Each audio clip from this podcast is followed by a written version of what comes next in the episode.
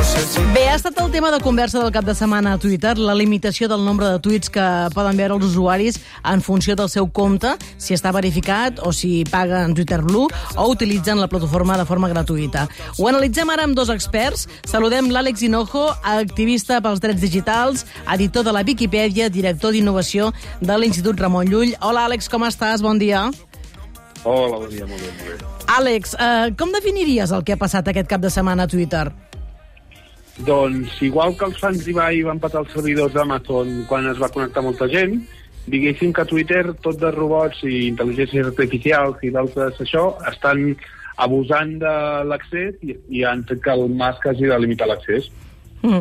Eh, clar, per tu, um, pot ser el cuit de la qüestió és que estem massa ben acostumats a que tot sigui gratuït? Crec que avui ho apuntaves a les xarxes, no? Sí, a veure, no hem d'oblidar, Twitter és un espai d'accés lliure, és un, però és un espai privat. És com un centre comercial més que no pas una, una plaça. I, I què passa? Que tots hi som allà, tots anem fent, però encara no hem trobat un model de negoci. No és com Facebook o com Google, que ja fa anys que, que, que treuen beneficis de uh, vendre les nostres dades uh, a canvi d'anuncis, un model publicitari. Twitter això no acaba de reeixir i des que està el Musk està fent tot de proves per veure com funciona.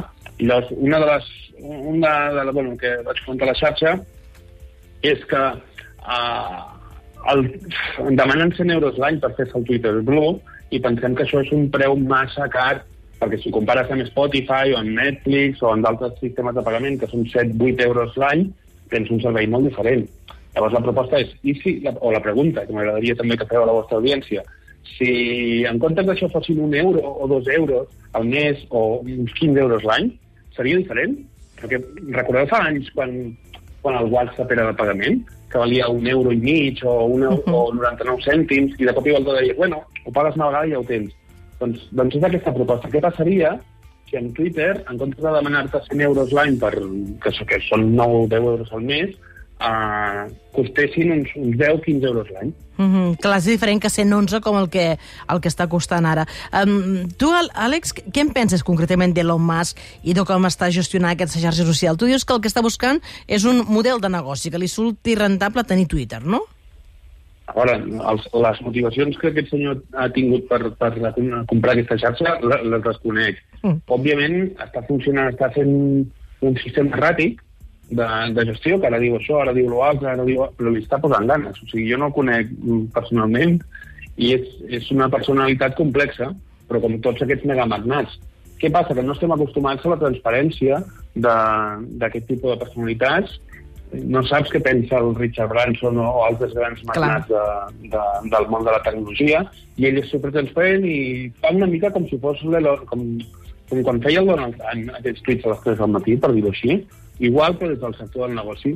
No estem acostumats a aquest nivell de transparència i quan veus, quan coneixes molt una persona, no és tan maca com podies pensar, uh -huh. per dir-ho d'alguna manera. Doncs és, és l'opinió d'Àlex Hinojo. Àlex, encantada que hagis participat avui. Gràcies, una abraçada. Igualment, gràcies a vosaltres. I, I connectem amb l'Albert Cuesta perquè una de les teories per aquestes restriccions que va començar a provar el cap de setmana Elon Musk és que ens està protegint perquè ningú agafi el volum de dades que té allotjades Twitter amb tot el contingut que nosaltres generem cada dia. No? Les empreses lluiten per obtenir moltes dades per entrenar les intel·ligències artificials.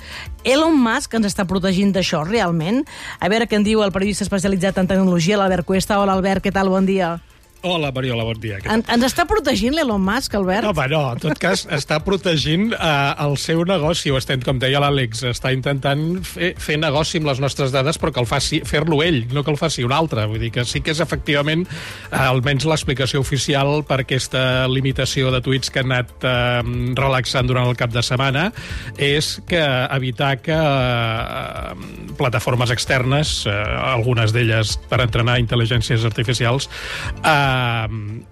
accedeixin a tot el contingut de Twitter, tant el, el, el text dels tuits com el que se'n diu el graf social, que són les relacions entre els usuaris. O sigui, qui segueix aquí, que això és una informació molt valuosa, i com que és tan valuosa, eh, Musk no la vol regalar. Eh, de fet, això ja ho havia demostrat.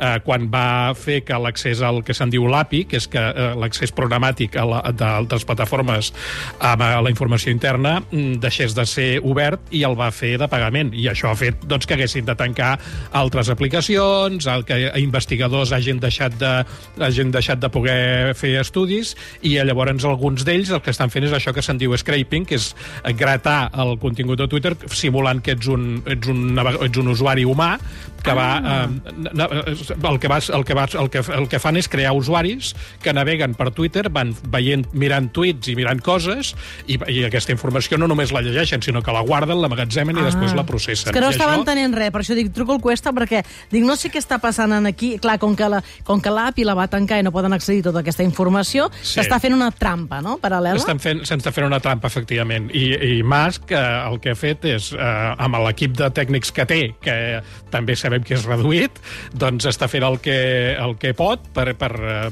per aturar això. De fet, durant el cap de setmana, des de divendres, han passat diverses coses que poden o no estar relacionades entre elles. Nosaltres, el, el divendres a la nit, al Catalunya Nit, de Catalunya Ràdio, Mm. vam explicar que, Twi- que Twitter havia eh, aplicat una, una limitació que semblava, mm, semblava bastant clara el motiu, que era eh, que només hi podien entrar, eh, navegar per la, amb l'aplicació web, només els usuaris que estiguessin registrats. Això a, mi- a mi em va semblar que clarament era un, un, el motiu era mm, financer, era dir, escolta, com que a mi el que m'interessa de tu és eh, capturar Clar. les teves dades per vendre-les amb els anunciants, Clar. eh, doncs si no, si, no, si no sé qui ets, no, eh, el que faig és convidar-te a que, a que t'identifiquis.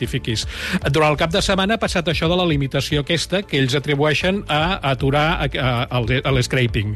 Eh, també ha coincidit amb que eh, s'ha sabut que eh, Musk està fent el morós amb Google Cloud, que és un dels Que ha deixat de pagar Google de. Cloud, no? Sí, sí, o sigui, amb, amb, amb la, la infraestructura de Twitter primera interna, fa uns anys va començar a migrar a Google Cloud i ara li toca renovar el contracte i està apretant a Google dient, escolta, rebaixa'm el preu perquè si no no et pagaré les factures que et dec. I hi ha una tercera qüestió, Que que és que sembla que amb aquesta limitació que Twitter ha, que Twitter ha posat de, de, de, de quantitat de tuits que pots veure, que a mi, francament, ja el, el, el, el, el llindar baix, que eren 600 tuits al dia, a mi em semblava que déu nhi però ara ja són un miler, si ets un usuari identificat.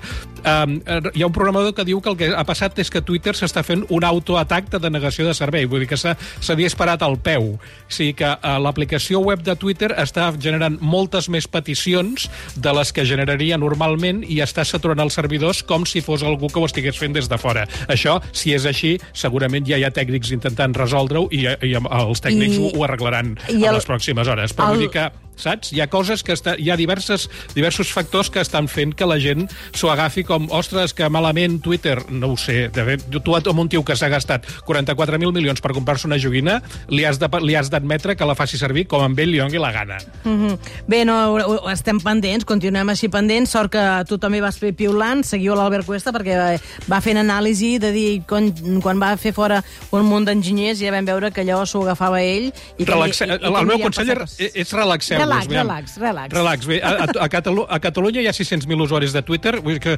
d'Instagram n'hi ha 5 vegades més. Vull dir que per això, eh, quan heu fet Són la pregunta poquets. aquesta que deia la Sílvia Creus, eh, sí. sí, són periodistes, polítics, i gent que vol ser periodista i gent que vol ser política. Això cada vegada es nota més, eh, que som... Oh, tant. Sí, que som, som poquets. Oh, tant. Albert, moltíssimes gràcies per totes aquestes set temporades, les vegades que ens has ajudat a entendre les coses a nivell tecnològic i continuarem fent-ho en altres llocs, també.